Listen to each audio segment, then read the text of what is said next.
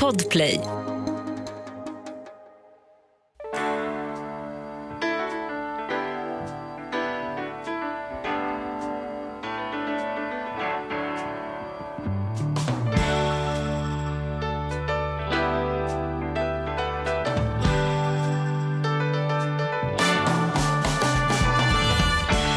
Hej och hjärtligt välkomna till Ekonomi på riktigt med Charlie och Mattias. Hur står det till Charlie? Det är bra med mig. Jag har en son som har varit, går på konfirmationsläger. Ja, hur känns det? Ja, men det är ju, man återbesöker saker. Helt plötsligt kom man omkring och eh, kom på mig själv på vägen hit att jag gick och nynnade på psalm. Liksom så här, för att han började nynna på psalmer och grejer. Så, här. så att, eh, jag vet inte hur det var med dina barn, men, men min 13-åring är ju inte supergenerös när han kommer hem. Ja, hur var det på lägret då? Bra. Vad gjorde ni då? Olika grejer. Hur många var ni?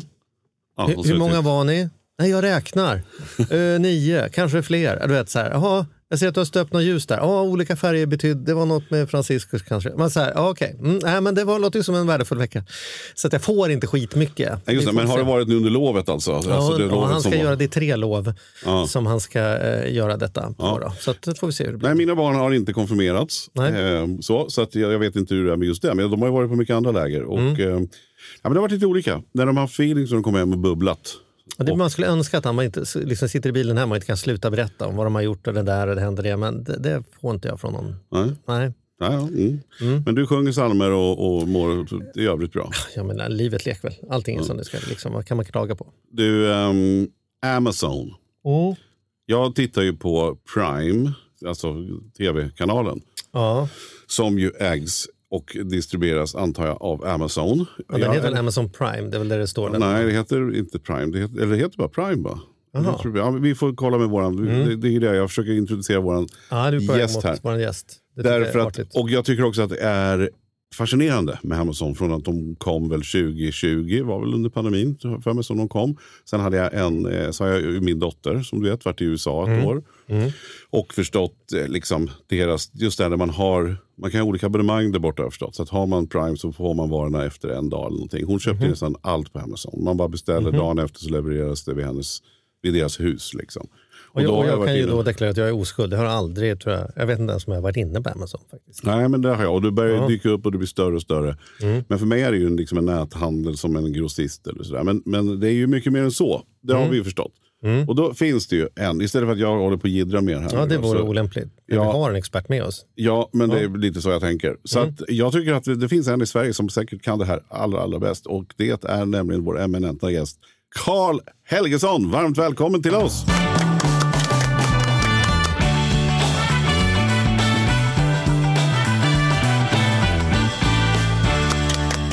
Tackar, tackar. Tack så jättemycket. Hur är dagsformen? Den är riktigt bra faktiskt. Jag har haft en föreläsning i Jönköping om just Amazon här för någon ett par timmar sedan. Så att, äh, jag, är, jag är taggad. Ja, Ja, vad roligt. Vi precis, du är med oss på länk som man brukar säga. Så att, eh, men än så länge verkar det ju funka alldeles lysande. På länk, det var riktigt Ja, en skön gammal Gammal scenuttryck. ja, man tycker så här, rapport, liksom, studion. Så här, "Ja, nu har vi med oss Folke Folksson på länk här. Liksom, och så här, ja, nej, men det jag ville komma till var att när vi ringde upp här och, och skulle koppla upp oss så var det så här. Då märktes att Karl har koll på det digitala. För han bara, vi kan köra här och här och här. och här Ja, vi bara, Ja. vänta lite så hämtar vi en tekniker. Kan gubbarna gå och hämta kaffe? Ja, exakt så. Men, men eh, berätta, vem, vem är du? Ja, eh, jag är Karl då som sagt och eh, av en liten spännande anledning. Jag, jag gjorde något helt annat. Jag kunde ingenting om det digitala innan jag började sälja på Amazon. Eh, jag jobbade som, hade drivit eventbyrå i Stockholm i många år och sen så flyttade jag till hem, hem, vad säger man? hemorten, Värnamo.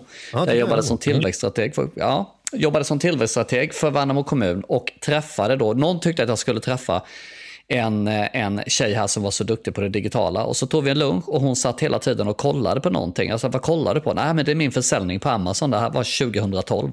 Oj. Och det var ju helt sjuka siffror och hon sålde eh, tvättpåsar som hon producerade i Kina med någon snygg logga på. Och jag blev jätteintresserad och startade mitt första varumärke då och har sålt på Amazon nu i, i tio år och byggt fem varumärken på Amazon. Um, idag så ligger min fokus på att hjälpa andra. Det tycker jag är roligare än att sälja själv. Så att jag har dels en Amazon-byrå som heter Rancon Amazon där vi hjälper företag att lyckas och en Amazon-utbildning komplett Nordisk Amazonakademi där vi hjälper. Och det är ungefär 50% privatpersoner och 50% företag som går den. Men då måste jag bara sticka in här snabbt ja. fråga. Vad har det betytt för dig? För vi vet ju så här, det tror jag de allra flesta har hört ändå, att Amazon har nu kommit till Sverige. Man väntade på att det skulle komma till Sverige när det kommit till Sverige. Men du har ju uppenbarligen hållit på många, många år innan dess. Då. Vad, vad är skillnaden nu när det finns i Sverige, liksom, rent krasst? Ja, alltså skillnaden för svenskan är väl egentligen att eh, nummer ett, det är såklart enklare och, och, och, och, snabbare att handla på Amazon Sverige än innan för de svenskar som handlade på Amazon som kanske fick handla från Amazon Tyskland eller UK eller USA. Så det, det är ju en sak.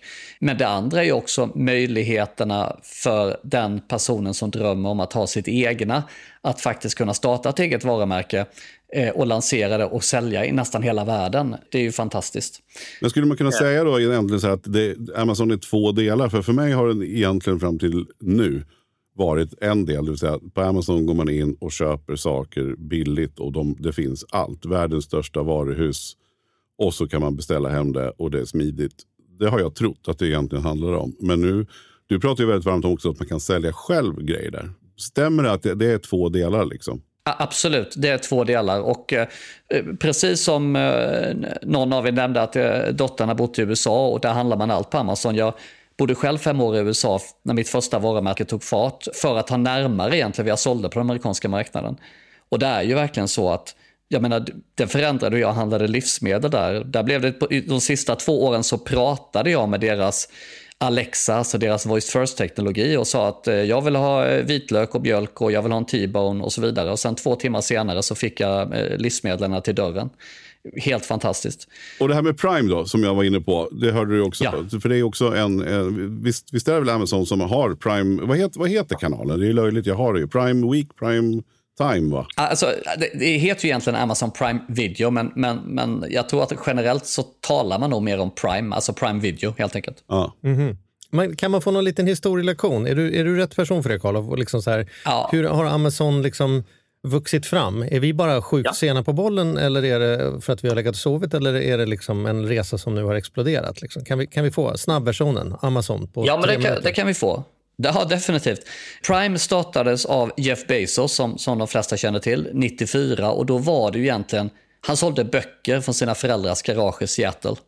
Men, ska man säga, han var ju den första ut egentligen att sälja böcker online i USA. Men hans vision, det var ju precis som ni var inne på innan, det var the everything store, att kunna sälja precis allting. Och den resan tog ganska snabbt fart sen och har växt så att någonstans i 2015 så lanserade man på flera ställen i Europa, har växt sedan dess då. Och Sverige nu var en av de senaste länderna in. Polen, Nederländerna och Belgien har kommit in. Vi har även i, i, i Mellanöstern har det startats och så vidare. Så att Amazon har ju växt rejält sen bokförsäljningen i, i hans föräldrars garage där 94. Men och vad är deras affär? Vad liksom, det är att de skär emellan på det som ligger där eller att de har egna grejer eller att det är både och? Liksom, vem, vem är det jag handlar av när jag köper en t-shirt på Amazon? Liksom? Och, vem, och hur får mm. Amazon betalt? Ja, de har ju flera affärsmodeller ska sägas Amazon. Det, det ena är ju då såklart att de, de tjänar ju pengar på de säljarna som säljer produkter på Amazon. Det vill säga att jag kan starta mitt egna varumärke och sälja mina egna produkter och för det tar Amazon en kommission och en avgift. Sen är det, precis som du också var inne på, att Amazon säljer också sina egna produkter. Det vill säga att de tillverkar egna t-shirts och e-, egna pepparkvarnar och säljer under sitt, sina Amazon-varumärken. Och sen har de också ett där de agerar återförsäljare då, oftast åt större varumärken. Där vi säger att ja, nu köper vi in Nikes skor och sen så säljer vi Nikes skor på Amazon. Så, så de har olika affärsmodeller. Sen tjänar de ju såklart väldigt mycket pengar på Amazon Ads, det vill säga alla säljare som marknadsför sina produkter på Amazon. Det är också en stor del. Mm. Mm. Okej. Okay. Ja. Och, och de, de, stora varumärkena känner att är vi inte på Amazon, de har blivit så stora, så är, är vi inte på Amazon så riskerar Apple att man köper en annan sort telefon till exempel. Ja, men, men det är ju lite så någonstans om man tittar, eh, det här är ju ett ekonomiprogram så då kan vi tala lite kronor och ören tycker jag. Tittar man i USA till exempel av varje dollar som spenderas online så kommer 49 cent från Amazon. Man har alltså 50 procent av all e-handel. Tittar man i, i UK, Tyskland, Frankrike, Italien och så vidare, där, där har Amazon någonstans 20-40% av all e-handel. Så att någonstans handlar det om, ska du sälja produkter online i de länder där Amazon är väl etablerat, ja, då, då ska man finnas på Amazon för det är där kunden finns.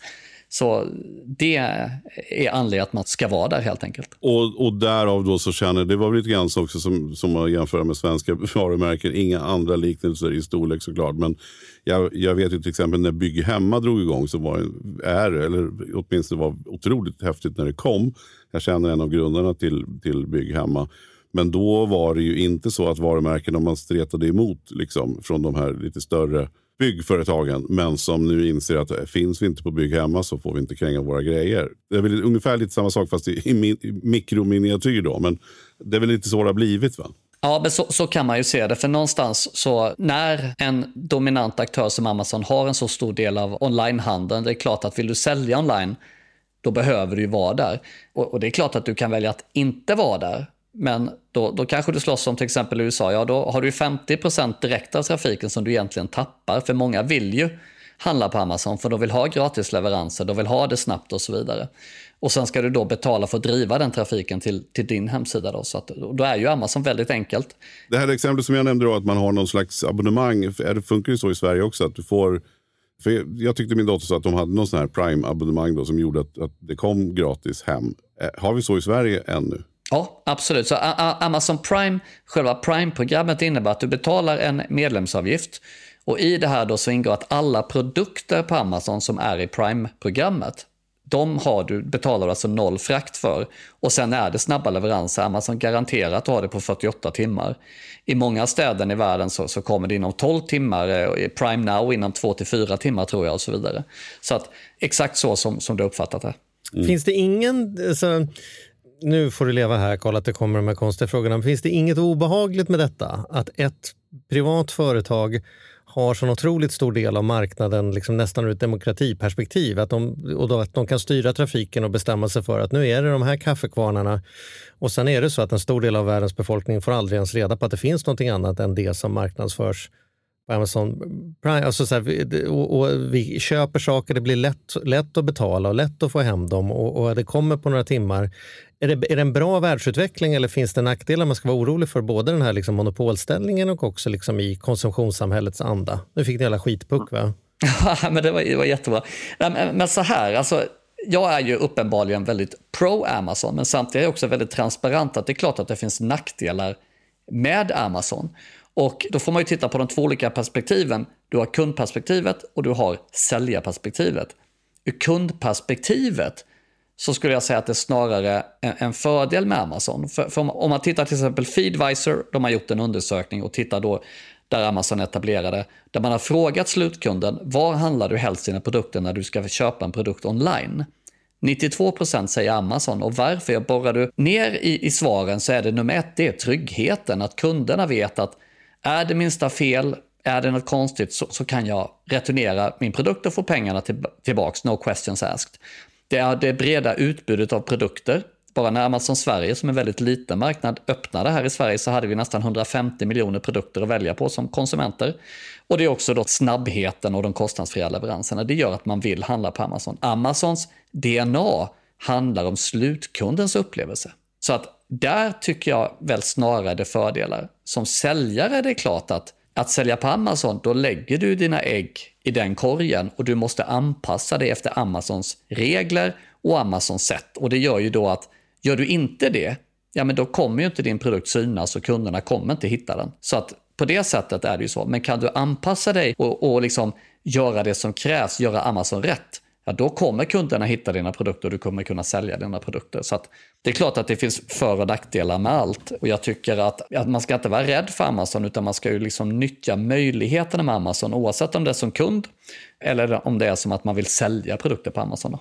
Men om man, är, om man har då ett, ett, ett företag med hyfsat bra produkter, hyfsat stor och man vill gå med i Amazon. Är det så då att man, man gör någon form av distributionsavtal så att man finns under deras skal, man finns där på hemsidan. Men sen när man väl klickar klart och ska köpa hem den här produkten så kommer man ändå till, till sin egna hemsida eller ligger det liksom inbäddat i Amazon? då? Mm. Ja, du förstår frågan. Yes, så här funkar det. Vi, vi säger att ni ska köpa en ny pepparkvarn. Någon av er, ni går in, ni söker pepparkvarn. Det kommer en väldig massa pepparkvarnar. Ni väljer en pepparkvarn och köper den. Då är det som så att säljaren där egentligen som säljer, han har gjort ett val. Antingen så har han valt att lagerhålla och ta hand om frakten, logistiken av pepparkvarnen hem till dig själv. Det kallas för fill by merchant, alltså säljaren tar hand om fulfillment. Eller så har säljaren valt att Amazon tar hand om fulfillment. Då har man alltså redan innan du har köpt pepparkvarnen, då har man skickat den till Amazons lager.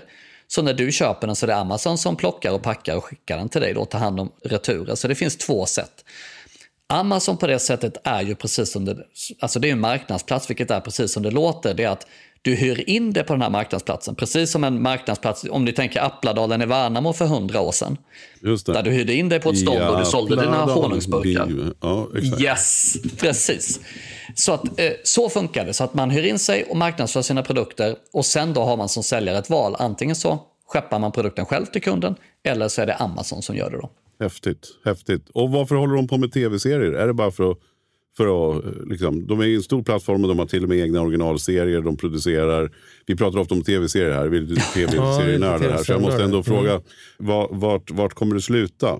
Kommer det finnas Amazon Prime-bilar? Kommer det finnas liksom Prime-resorts där man åker på semester? Alltså vad är, vad, vad, vart är vi på väg? Ja, jättebra fråga. Så, så någonstans har man ju hela tiden jobbat på, återigen, kundupplevelsen att fylla på det här Prime-medlemskapet. Så att man har Prime Music som är en väldigt stor konkurrent till Spotify numera. Prime Video som vi talar om. De har, de har ju Twitch, den här spelplattformen och, och, och även då Prime Gaming, någonting heter det. Så alltså, för de som gamar vet precis vad jag, vad jag talar om. Så att, vad kommer det sluta? Ja, man kommer nog fortsätta på den här vägen när det gäller just den här typen av värden. Alltså för att behålla kunden längre helt enkelt. Och för att kunna få synergier mellan tv-serien och shoppingen till exempel. Amazon Prime Video tycker jag, jag själv älskar ju serier och, och de har ju köpt MGM också så det kommer ju komma ganska häftiga produktioner framöver. Så att det, det ser jag fram emot. Och jag vill bara säga Charlie, det där, när jag såg att Prime-appen kom upp liksom, som eh, plattform för, för tv-serier så skillnaden var ju då mot HBO till exempel och Netflix som har legat runt en hundring i månaden så, så var ju Prime 29 kronor. Och det fanns, ja, inte lika stort utbud, men inte långt därifrån. Det, varför unika- har man skaffat Prime? För Prime finns i mitt hem också. Då måste det ha varit någon serie som liksom puffade mig över. Vad har varit deras stora... Det brukar alltid finnas en serie som ska, ska tvinga igång en. Nej, det, det kommer vi inte på nu. Nej. Ja, men det, jag har I- sett jättemycket serier och framför, också filmer som de Ja. ju har gjort som de har varit egna om. Bland annat den här, vad heter den här agenten, eh, CIA, ja, skitsamma, vi kan släppa det.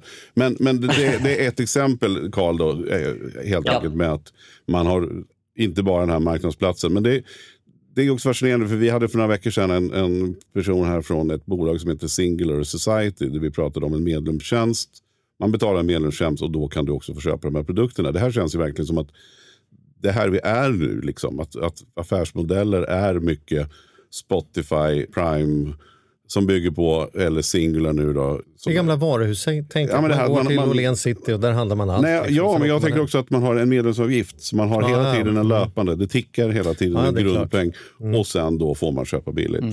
Ser du det i samhället att det, är- det är inte bara Prime som, som gör så här? Ja, men definitivt. Alltså subscription, alltså prenumerationsmodellen ser vi överallt. Alltså, återigen, om, om jag talar från ett Amazon-perspektiv så Amazon har ju det på många produkter, till exempel då att du som kund kan välja att prenumerera på många av produkterna på Amazon.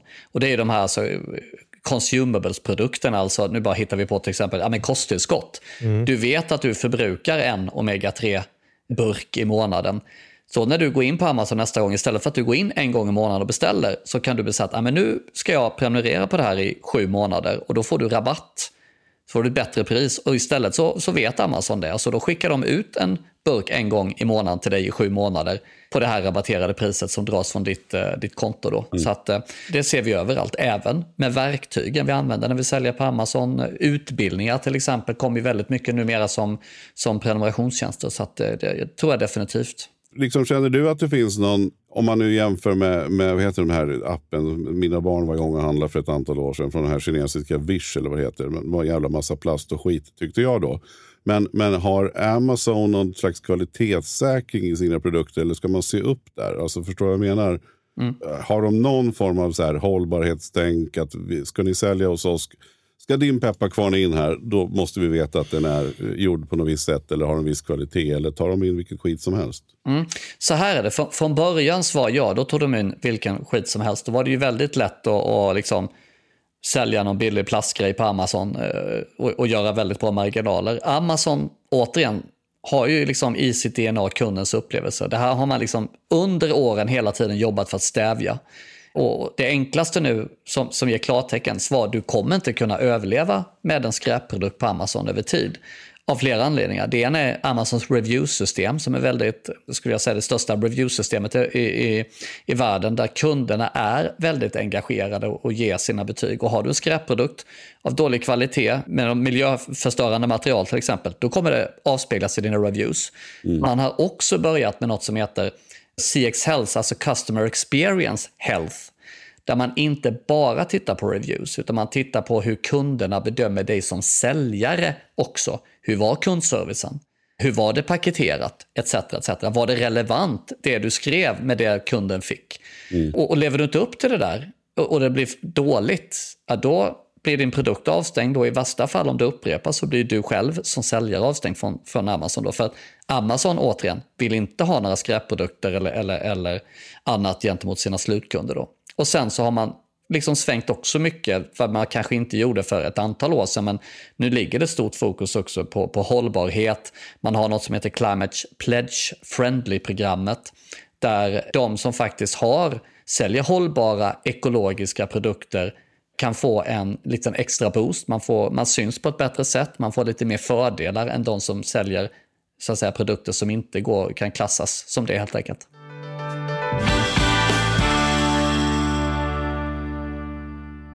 Den här podden gör vi även den här veckan i samarbete med Saveland. Fan mm. vad kul det är att ha dem med ombord. Mm, jätte, jätteroligt. Ja, vi brukar prata om att man har något band som man såg jag stod Bo Kaspers jädrigt tidigt liksom, innan man gjort tv-debut. Och du har något hårdrocksband som du var jävligt tidig på. Ja, alltså jag var på, på Lilla Teatern Göta Lejon och såg Metallica ja. 1984. Så gammal är jag. Och jag var i kontakt med Saveland när det fortfarande var typ tre, fyra personer där från mm. början. När jag fick möjlighet att träffa dem. Eh, och nu är de ett stort bolag, fyller tio år, finns på börsen och jobbar helt enkelt med att vanliga privatpersoner och företag kan investera pengar eh, i eh, lån och krediter. Mm. Så man får riktigt bra ränta. Så eh, det rullar på efter tio år, bättre än någonsin. Fantastiskt kul att ha dem med här i podden. Mm. Gå in, testa, kolla. Vi ja. har en kod som gör att om du öppnar ett konto och använder på riktigt får du dessutom en insättningsbonus just Precis, och vill man veta mer så som sagt gå in på saveland.se. Man kan också lyssna på Ludvig som har varit gäst i vår podd två gånger. Då får ja. man en ännu bättre inblick ja. i vad, vad det är de pysslar med egentligen. Men ja, Saveland.se och stort tack. Ett poddtips från Podplay. I fallen jag aldrig glömmer djupdyker Hasse Aro i arbetet bakom några av Sveriges mest uppseendeväckande brottsutredningar. Går vi in med hemlig telefonavlyssning och, och då upplever vi att vi får en total förändring av hans beteende. Vad är det som händer nu? Vem är det som läcker? Och så säger han att jag är kriminell, jag har varit kriminell i hela mitt liv men att mörda ett barn, där går min gräns. Nya säsongen av Fallen jag aldrig glömmer på Podplay. Är det så, tänker jag då, alltså att, för det, allting handlar ju också om pris. Man vill ju köpa billigt. Och då tänker jag, är det så också att de ställer tuffa krav? Jag menar om du, om du har en egen pepparkvarn då förstår jag att du kan sätta i princip priset själv. Eller kommer de att lägga sig i då och se att, ja men vänta nu här, jag ser att den här pepparkvarnen finns på Woody och där kostar den 50 kronor. Ska ni få vara hos oss, då måste den kosta 49. Alltså är de där och pressar priset för dig eller eh, eh, liksom, löser det sig självt om du förstår vad jag menar? Mm.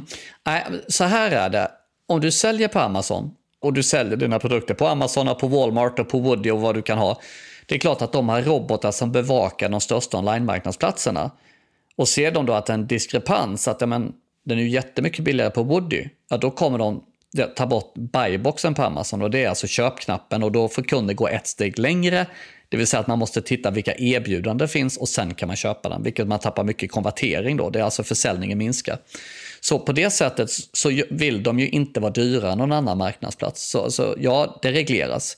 Men som, som en, en, jag som står på småföretagarnas sida mycket och jag, jag, jag tror jag dragit den här storyn tidigare. Charlie, du får säga till, men skitsamma, jag tar den igen. Mm. Men då en gång i tiden så, så jobbade jag för en, jobbade på en chokladfabrik och vi skulle ta fram kartonger till den här chokladfabriken. Och på tal om Småland då så var jag just i Värnamo. Och det fanns ja. en, en liten kartongtillverkare där som hette Gafs kartonger. Känner du till det, Karl? Kanske redan? Jajamensan. Jag sitter fyra kilometer därifrån just nu och pratar, så att jag känner till dem. Vad kul, då finns de fortfarande. För när jag beställde kartonger av dem, då hade de hamnat i Ikea-klona. Det vill säga, eh, Ikea hörde av sig och sa, skulle ni kunna packa in de här krokarna till eh, rullgardinstängerna? Ja, sa de, vad roligt, vi har fått en stor order av Ikea. Nästa gång så, så, tog det några månader och sen sa de oj, vi kan inte betala. De köpte in maskiner för att lösa det. De anställde folk för att lösa det. Och sen visade det sig sen att de eh, sänkte priset helt enkelt. Och, och sa mm. så här, eller vi kan inte betala så här mycket. Och då man har inget val. Man har, liksom, man har anpassat tillverkningen, man är jätteglad. Och sen så tar det ytterligare något halvår, jag minns inte exakt den här historien. Men så minskar det och så hör de av sig igen och säger, vänta nu, nu har vårt avtal går ut ni måste minska med 10 öre till. Och sen så har man ingen lönsamhet längre för att mm. Ikea är så jävla stora. Mm. Ja, ni förstår vad jag menar med principen. Är det, vi har sökt Ikea för en kommentar och de har valt att inte... Nej, det har vi inte gjort. Nej, men det står jag för. Nej, men alltså, så här, det är ju fantastiskt med Ikea, men någonstans ja. förstår man om någonting kostar 10 kronor. Som, som kostar 100 hos andra. Då ja, får man fråga sig, är, vem är det 90 kronor inte har fått betalt Ja, vem är förloraren i det här? Mm. Och i det här fallet mm. så var det då, i alla fall, den här stackars kartongfabriken som hade gått i i, jag vet att det var ett, ett väldigt fint familjeföretag. Det var en otroligt trevlig tjej som, som drev det då. Men principen då, Karl, du förstår ju vad jag menar. framförallt ja. du som kommer från Småland med alla dessa fina småföretagare. Finns det en risk här? Nej, alltså, det, det beror egentligen på hur, jag skulle säga så här, ju större företag och varumärke du är som säljer på Amazon, desto större är ju risken att Amazon vill att du ska ha samma pris på Amazon som du har hos dina andra återförsäljare online. För det, det ligger de vi bevakar. Som liten företagare, som småföretagare, så har du en absolut större möjlighet att sätta vilket pris du vill på Amazon. Okay. Jag kan bara ta som exempel de, de forma, for, fem varumärken som jag har byggt. Jag vill inte vara med i något priskrig eller någon, någon lågprissegment, utan jag valde alltid premiumprodukter. Och mitt första varumärke hade jag en omvänd strategi, för jag, jag var i kosttillskott och den såg jag ju egentligen månad för månad, vecka för vecka. Snittpriset gick ju ner för folk priskrigade. Så vi satte en omvänd strategi. Att nu såg vi att ja, den här veckan har snittpriset gått ner med 3 cent. Då höjer vi med 3 cent. Mm. Så att som liten företagare har du mycket större möjlighet att själv påverka ditt pris. finns du överallt på alla stora, du finns online på jag vet inte, Byggmax och, och Biltema, ja, inte Biltema kanske, men massa andra aktörer.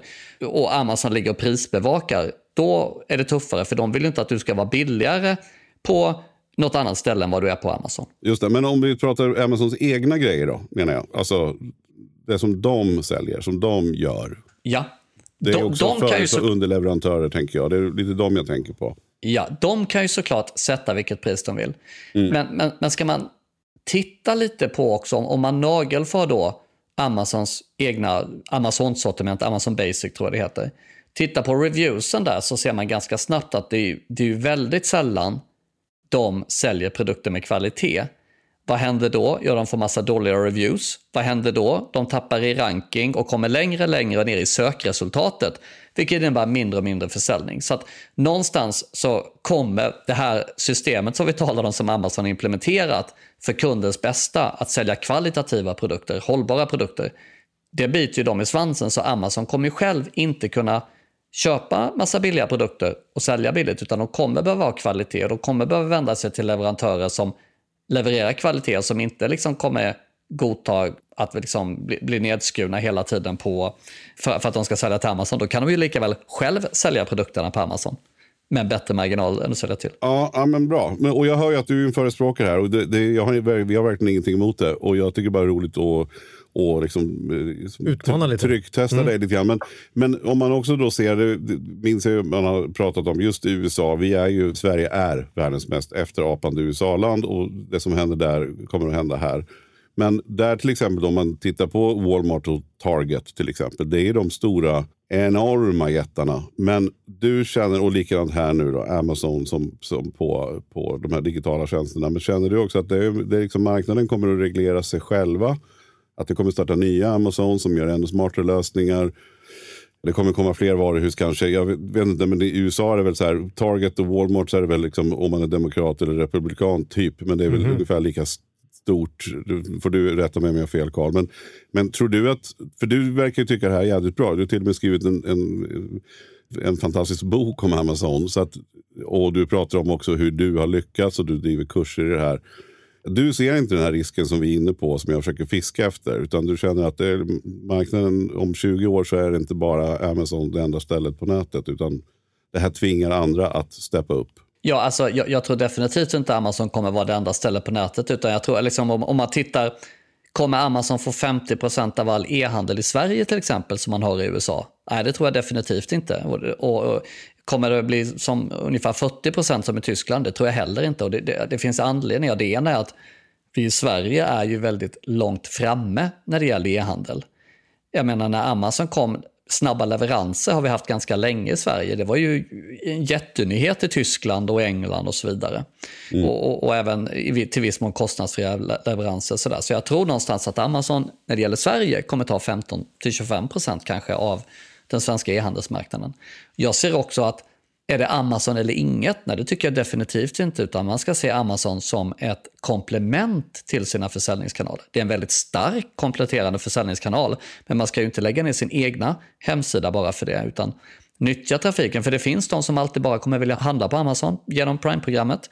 Och så finns det de som kan tänka handla sig på båda och så finns det kunder som inte kan tänka sig Amazon också såklart. Så att jag, jag tycker snarare att man ska se Amazon som, som ett komplement. Men man sitter och lyssnar på detta och så tänker man så här, ja, men du, du är, verkar jävligt duktig och driven och har liksom fem varumärken där. Men hur börjar det? Börjar det med att du har tillverkat klockor i 12 år och sen kommer du på att jag kanske ska ha dem på Amazon också? Eller är det som att du sitter på Amazon och tänker att jag kanske ska börja tillverka klockor specifikt för Amazon eller pepparkvarnar? Alltså, vem, vem, vem har nytta av att öppna en, ett Amazon-konto som liksom säljare. Vem är det till mm. för? Vi pratar om detta som en, kanske ett sätt att dryga ut sina inkomster eller kunna gå i pension tidigare eller ha det som ett liksom, sidoprojekt som kan bli ett jätteprojekt. Liksom. Vad, vad, måla ja. upp hur det kan gå till. Ja, jag skulle säga både och. Det allra viktigaste då ska jag säga, oavsett om du har tillverkat klockor i 12 år och du har, nu hittar vi på sju olika modeller, mm. eller om du jobbar på biblioteket här på gummifabriken i Värnamo och, och drömmer om att tillverka klockor till exempel och, och ha ditt egna varumärke så, så funkar Amazon lika bra. Det viktiga där det är att alltid titta på Amazons data, det vill säga vad finns det för efterfrågan, hur är konkurrensen och vilka försäljningsvolymer. Genom att titta på den datan blir det väldigt lätt att identifiera produktkategorier och områden där man säger att aha, jag kanske skulle sälja pepparkvarnar för jag ser att det finns en stor efterfrågan här på Amazon. Det är en bra försäljning, konkurrensen verkar inte speciellt hård. Och därefter så börjar man tillverka eller hitta en leverantör av pepparkvarnar. Eller så har man redan pepparkvarnar i sitt sortiment som man väljer att sälja. Så att det som är så fantastiskt tycker jag med Amazon, om vi tar den positiva bemärkelsen, det är just hur öppet man är med sin data. Så den här informationen kan man få ut från Amazon. Och det gör att oavsett om jag har nu ett, ett företag med massa olika produkter, då kan jag se vilka mina produkter passar på Amazon. Det är det ena. Har man ingenting, man har ett blankt papper men man drömmer om att till exempel skaffa ett eget företag för att kunna styra sin tid eller, eller dryga ut pensionen och, och liksom bygga ett varumärke man kanske kan sälja, göra en exit. Vad man än har så kan man använda den här datan och också, också då ta fram helt nya produkter som man inte hade innan. Så att det passar båda.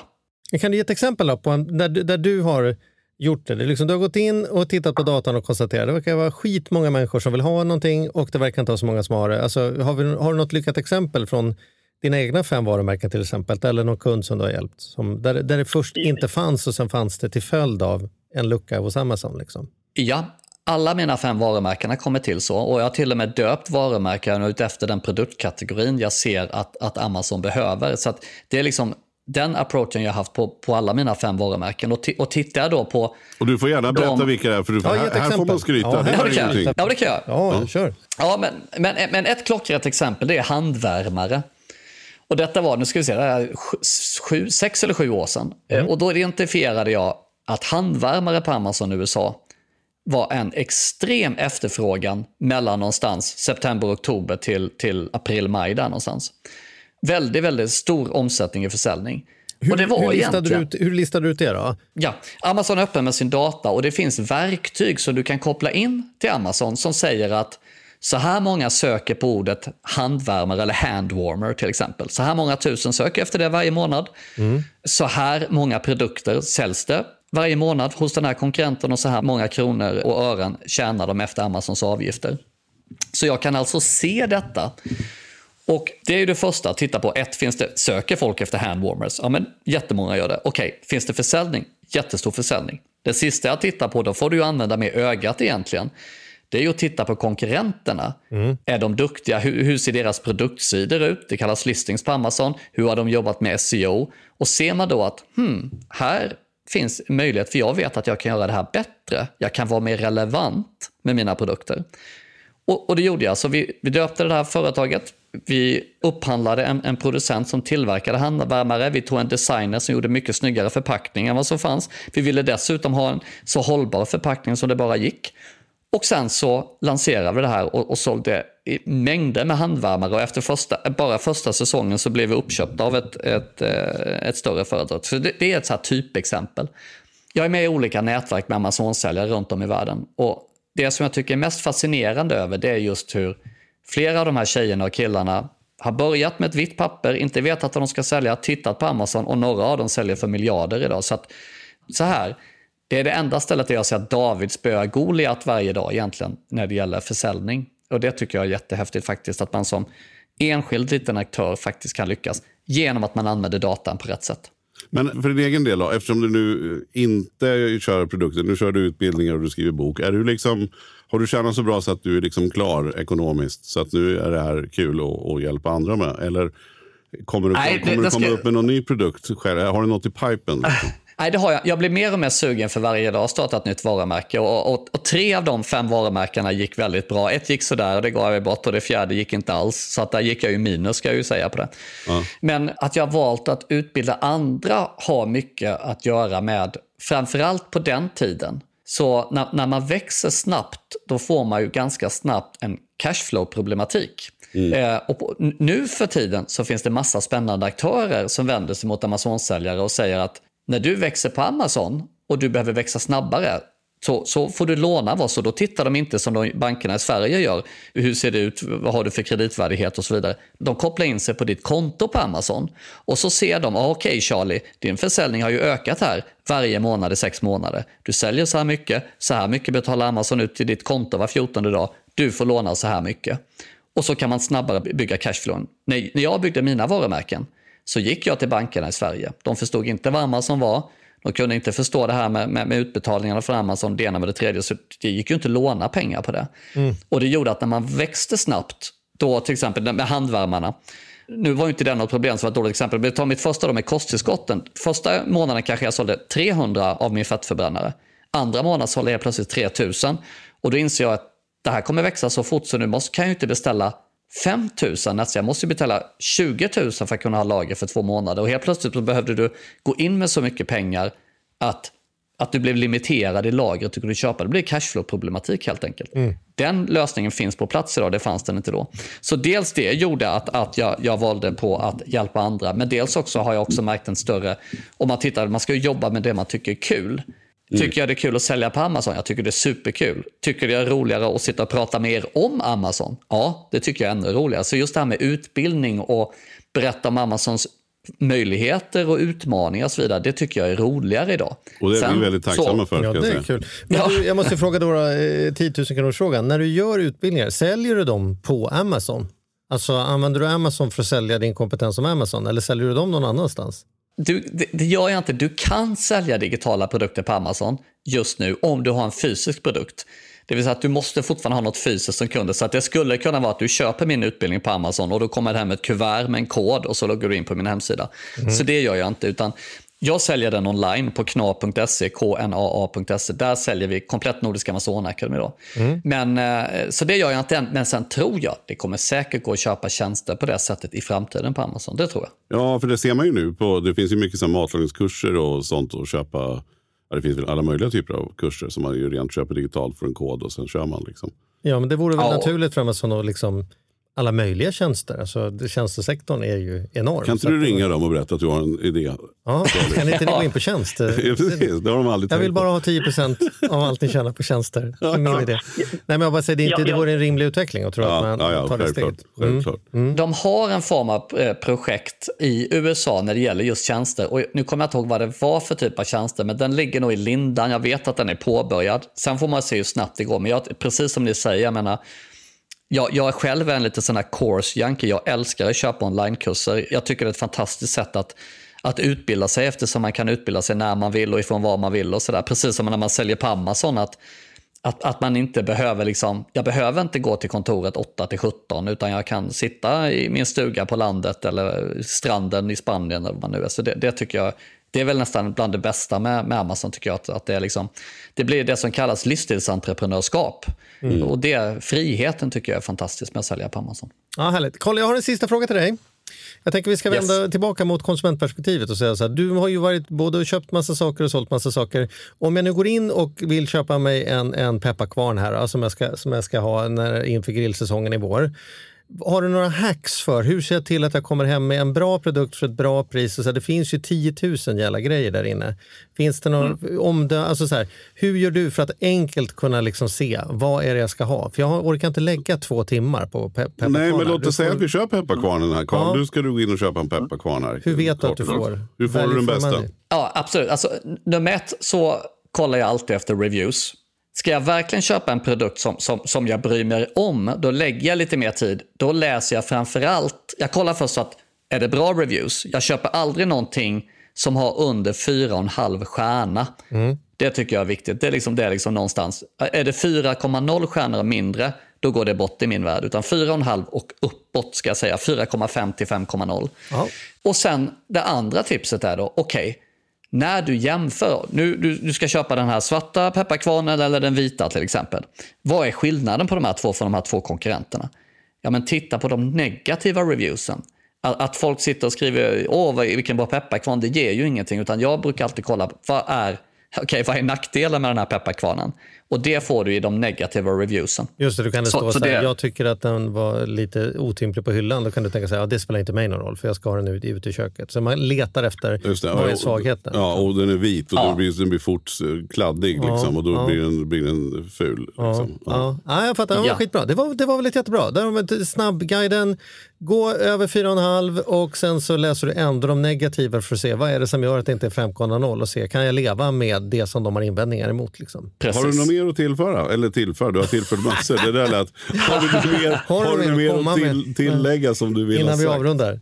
Nej, men alltså Amazon är ju så stort. I, I boken som jag släpper nu, Lyckas på Amazon, så är det 320 sidor. Och- för den som är intresserad då, ur både konsument och vad ska man säga, ett entreprenörsperspektiv så kan man både läsa om, om min resa, misslyckanden, lyckanden, men också hur Amazon fungerar rent generellt och hur man gör för att lyckas på Amazon. Så att det, det är väl ett, ett, ett bra tips om man vill grotta ner sig då. Mm.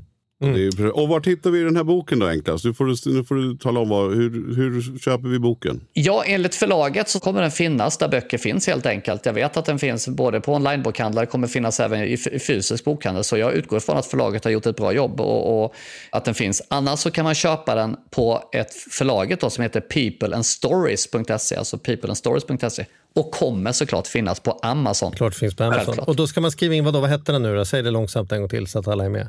Boken heter Lyckas på Amazon Ja. av Karl Helgesson. Ja. Jättekul perfekt. att du var med Carl. Lycka till i framtiden. Ja, det var jättekul. Tack så jättemycket. Tack så jättemycket. Ha, Ha det det bra. gott. Ja, det var kul det var att snacka med Karl. Det var ju väldigt intressant med Amazon. Alltså, det är ju fascinerande på något vis. Fascinerande och lite, lite skrämmande. Ja, det är ju så att det är lite både och. Att man kommer hem och tänker att nu behöver jag, det här behöver jag faktiskt kolla upp lite. Men som vanligt ska jag nog börja. Jag ska börja köpa den där pepparkvarnen och få någon grundkänsla för hur det är. Ja, ja, men, ja verkligen. Ja. Vi, vi får helt enkelt testa. Och är det någon av er lyssnare som har några andra erfarenheter av, eller så har några bra erfarenheter av Amazon eller kanske rent av har sålt någonting eller lyckats bygga upp något varumärke så får ni jättegärna mejla oss på charlie och mattias.gmail.com. Ja, och som vanligt hörs vi om en vecka Charlie, eller? Det tycker jag väl. Ska vi, vi klubbar det? Vi säger det. Ja. Tack så mycket för att ni har lyssnat. Vinke vink. Hej hej!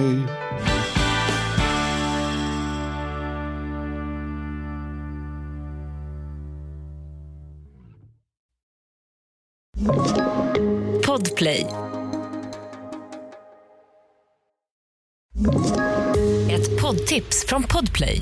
I fallen jag aldrig glömmer djupdyker Hasse Aro i arbetet bakom några av Sveriges mest uppseendeväckande brottsutredningar. Går vi in med hemlig telefonavlyssning och, och då upplever vi att vi får en total förändring av hans beteende. Vad är det som händer nu? Vem är det som läcker? Och så säger han att jag är kriminell, jag har varit kriminell i hela mitt liv men att mörda ett barn, där går min gräns. Nya säsongen av Fallen jag aldrig glömmer på Podplay.